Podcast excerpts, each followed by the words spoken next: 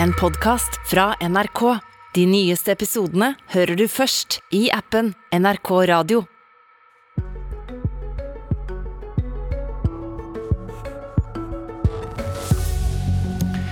Europa har gjort seg avhengig av russisk gass. Er det da på tide at vi tar ansvar og gjør grepa som trengs for å forsyne Europa med mer norsk gass?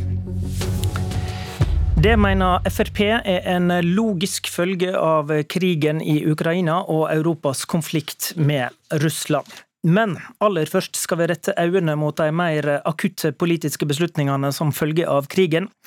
Rett over midnatt i går kunngjorde SV at partiet etter et langt landsstyremøte hadde landa sitt standpunkt. Norge bør ikke sende norske våpen til Ukraina. Regjeringa konkluderte jo mandag kveld med at Norge skal sende håndholdte panservernvåpen som ukrainerne kan rette mot eh, russiske stridsvogner. Fram til i går var Rødt det eneste partiet som hadde sagt nei til dette. SV trengte litt eh, tenketid. God morgen, SV-leder Audun Lysbakken. God morgen. Forklar oss eh, kjerna i konklusjonen fra partiet først.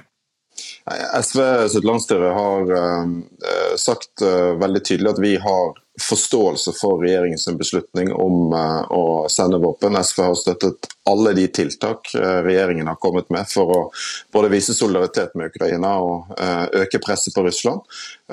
Det er likevel sånn at det er noen problemstillinger knyttet til dette med å sende våpen. Det er en beslutning som er tatt på veldig kort tid, eh, som eh, kan endre det som har vært en eh, veldig velfungerende våpeneksportlov i Norge i 60 år. Det er mange sider knyttet til både hva slags kontroll vi kan ha med disse våpnene, og også hva slags presedens det skaper for framtidig norsk våpeneksport, som ikke er klar nok. Det er blant grunnene til at Vårt landsstyre sier nei til å sende disse våpnene. Eh, og så har det vært uh, ulike syn i partiet. Vi har hatt en uh, veldig respektfull og god debatt, syns jeg. Det er også ulike syn i befolkningen. Det er helt naturlig at det er ulike syn i vårt parti, og det er plass til begge deler. og Vi står jo sammen om det som er det viktige holdningen til Russlands aggresjonskrig og solidariteten med eh, folk i Ukraina. Du sier partiet er skeptisk til hva følger det kan få for framtidig norsk våpeneksport. Hvordan da? Vi har jo hatt en eh, kan si, veldig firkantet våpenlov i Norge, og det eh, er det veldig gode grunner til. Det har gjort at norske våpen ikke har kommet på avveie. At, de, at Eh, vi har hatt en svært restriktiv politikk for eksport av våpen. Det er vi for. Eh, og Så er spørsmålet hva dette unntaket vil få å si for eh, framtidig praksis. Og det er, er du redd for at det skal skape presedens? Det er det som er poenget? Ja, rett og slett. Og det, men, men er ikke dette en eksepsjonelt spesiell angrepskrig som slett ikke trenger å få sammenlignbare følger? Jo, men det er også sånn at uh, selv om det er brei enighet i uh, Norge om uh, synet på denne krigen, så er det sikkerhets- og utenrikspolitiske uenigheter som kan gjøre at det er ulike syn i en annen sak. og Derfor så har vi ikke full oversikt over hva slags presedens dette vil skape. og Det er en av konsekvensene av at beslutningen tas veldig fort, mm. uten at det finnes noen skriftlig gjennomgang av dette, behandling i Stortinget f.eks. Landsstyret var delt nesten på midten. Det endte med stemmetallet 21 mot 18. Hva mente du? Nei, altså, Jeg er jo ikke privatpraktiserende. Min jobb er å legge fram SV sitt syn. Eh, men det er jo, eh, når vi eh, har ulike syn, så blir det sikkert fort kjent uansett. Så jeg kan jo si det at jeg tilhørte mindretallet på møtet i går. Eh, men så er det sånn at flertallet må bestemme. Eh, og eh, når vi også har delte syn, så er vi nødt til å fatte en beslutning. Og da er det også min jobb å argumentere for den. Og det syns jeg ikke er vanskelig, fordi dette er et dilemma. Det er gode argumenter både for og imot. Og det er ulike syn i SV, sånn som det er i folket. Nå har ikke dette noe direkte praktisk betydning, for det er et stortingsflertall for å sende våpen. Eh, på den andre sida, nå, nå, er de to partiene til venstre for regjeringa mot dette, og regjeringa søkte jo brei støtte i Stortinget. Er det sånn at du vil advare regjeringa mot å sende våpen basert på støtte fra partiene på høyresida? Nei, det er avklart eh, for det første at det finnes et flertall i Stortinget. Og for det andre så eh, er dette noe som i utgangspunktet ligger til regjeringen å beslutte. Eh, men vi har nå behandlet dette. Det er ulike syn. Et flertall ønsker å si nei. Og jeg mener det er gode argumenter for og imot. Jeg tror også regjeringen vil erkjenne at her finnes noen ekte dilemmaer og noen helt relevante motargumenter. Vi står i utfordrende tider med store spørsmål og vanskelige dilemmaer, som du sier, det tror jeg alle er enige om. Kjenner du deg trygg på at du kan se deg sjøl i speilet om noen år og tenke på dette vedtaket og si ja, partiet mitt gjorde alt vi kunne for å hjelpe Ukraina? Ja, fordi eh, det, dette er ikke et spørsmål om hvem som er mest mot den russiske krigføringen. Det er et spørsmål om hva rolle Norge skal ta, eh, hva slags virkemidler som har effekt. Eh, og så er det altså som vi var inne på, også et spørsmål eh, knyttet til eh, at, vi eh, også i en krisetid må vite hva vi gjør. og det er en uro hos oss knyttet til om vi har god nok oversikt over konsekvensene av dette vedtaket. Det er full enighet i SV og i Norge om hvor vi står. Det er en ulovlig og umoralsk krig Putin fører. og jeg tror at det er en stor styrke at den samlingen rundt det standpunktet i Norge er brei. Eh, og så er det naturlig et spørsmål som dette at det også kan være ulike syn, og det må det være rom for. Takk til deg, Audun Lysbakken. Abonner på Politisk kvarter som podkast, og få sendinga rett til din mobil. På starten av året, på vei ut av pandemitåka, er det to politiske tema som har opptatt oss.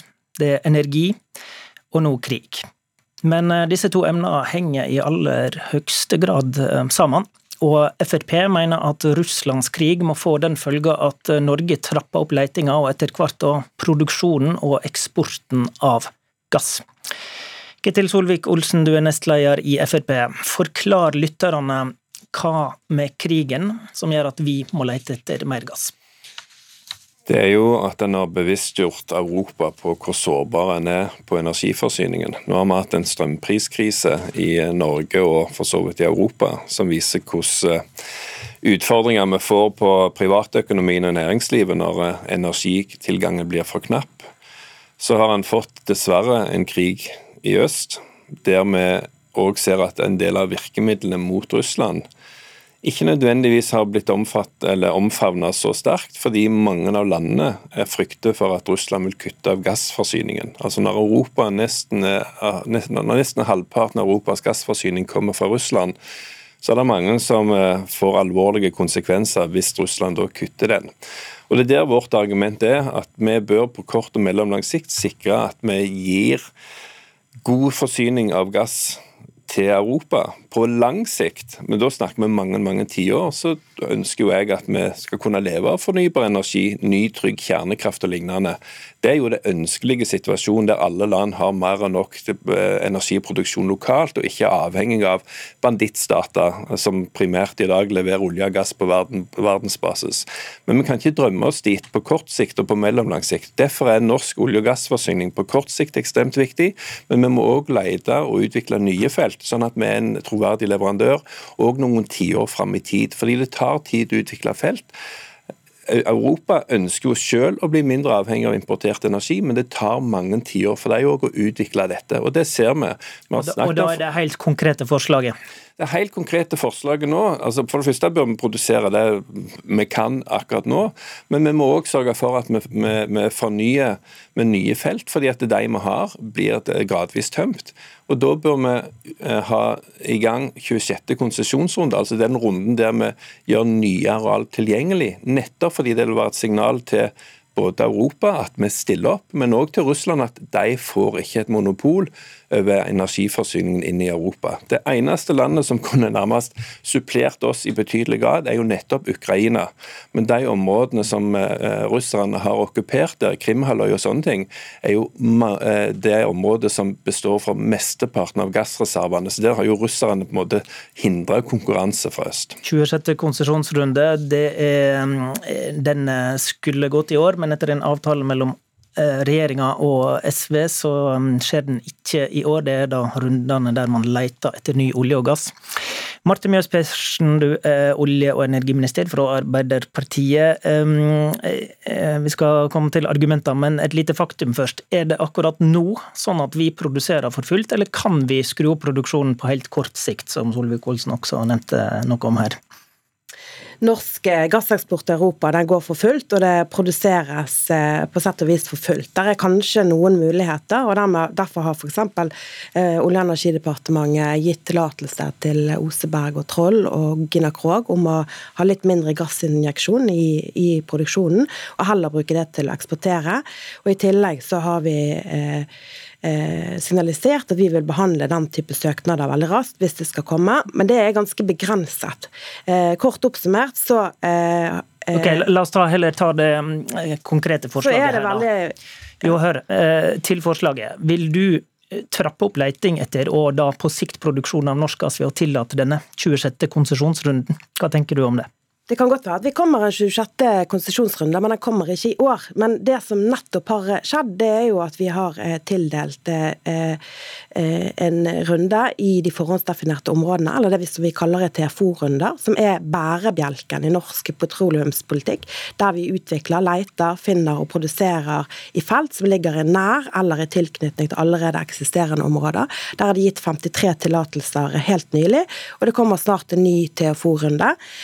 med med, eh, eh, med eh, utlysning og høring ganske snart. Og Det som er litt viktig, da, det er jo det at hvis hvis problemet er at vi trenger å produsere og skaffe mer til veie på kort sikt, så er jo ikke nummererte eh, runder svaret. Eh, fordi at det er jo da mye lurere å gjøre det nær eller i tilknytning til de områdene som allerede er. Da kan vi potensielt sett få i gang områdene mye tidligere. Disse, eh, la oss ta det poenget der. Disse konsesjonsrundene det gir ikke særlig mye mer gass i overmorgen, det, Solvik-Olsen? Nei, og det er vi fullstendig klar over. og Det var derfor jeg i min innledning sa at nå må vi produsere det vi kan for de feltene som er åpne. Og så er TFO-rundene òg det, det, gjør vi, sier ja, ja, Det går an å gjøre litt, mer, men vi lar ikke det være eh, krangelen. Så, og TFO-rundene òg, veldig bra. De, de, er på en måte mer nærliggende. Men samtidig, altså spørsmålet er tror du dette tar slutt Altså, Tror du at energidilemmaet som Europa står overfor, tar slutt i løpet av få år, ja, da kan du bare glemme konsesjonsrundene. Men hvis vi tror at det er litt mer langvarig, at det tar noen tiår, så er òg konsesjonsrundene en særdeles viktig del av norsk politikk. Og Det er der jeg blir litt bekymra når du hører på detaljene her. Nettopp det at eh, energiministeren sier at så kan det være at vi kommer med 26. runde. Det burde ikke være kan det være, det burde være og den kommer. Men den skal gjøres skikkelig, og det er jeg enig i. Men der sier jo vi i vårt forslag at la den komme senest i 2023. La det være et politisk signal som kommer fra storting og regjering nå, sånn at Europa vet hvor vi er hen. Hvis vi nå går inn i nærmest en solnedgangssituasjon som energiministeren mellom linjene snakker om, med at vi bare skal utvikle akkurat der vi er i dag, så er det et svært alvorlig signal for Europa, som nå endrer politikk på stort sett alle punkter. Skjønner. SV-leder Audun Lysbakken, du, du, er fortsatt med oss. denne, at 26. konsesjonsrunde ikke skjer eh, i år. Det er en avtale mellom SV og regjeringa. Men nå eh, sier jo Solvik-Olsen, og det har han vel fort rett i, at vi står i en langvarig energikrise. Er du med han på at vi kanskje bør lete mer? Nei, og jeg syns at det er litt spesielt å bruke krigen som argument. Uh, for uh, dette er altså snakk om leiting etter fossil energi som vi skal eventuelt da ta opp og selge langt inn i framtiden. og hvis vi har jo, det lange perspektivet Jo, men hvis det er en langvarig krise, da? Ja. Jo, men Det er jo nettopp det som er poenget. EU skal bli karbonnøytralt i 2050. Det er 28 åtte år til. Eh, og eh, vi står oppe i en eh, alvorlig situasjon for Europa med avhengighet av russisk gass. Den må de kvitte seg med lenge før den tid. Og vi står oppe i en klimakrise. Det har kommet en ny rapport denne uken fra Klimapanelet som jo får lite oppmerksomhet grunnet denne situasjonen, men det kommer ikke til å gå over. Da skal vi ta det at... poenget med Solvik-Olsen til slutt, for da setter du forsyningstryggheten framfor energiskiftet, som Klimapanelet sier vi må. Jeg mener vi skal kunne få til begge deler. men det vi må unngå, det er nettopp den politikken SV fører, der vi skal ut av Nato, der vi i tillegg gjør Europa enda mer avhengig av russisk gass. Fordi Hvis SV hadde fått styrt, så hadde vi jo begynt å fase ut den produksjonen vi allerede har. Det setter jo Europa i et kjempedilemma. Nå endrer Europa politikken sin på kjernekraft, til og med på kull og på gass. Da bør vi henge med i svingene. Tida rant fra oss. Takk til Ketil Solvik-Olsen, Marte Mjøs Persen og Audun Lysbakken.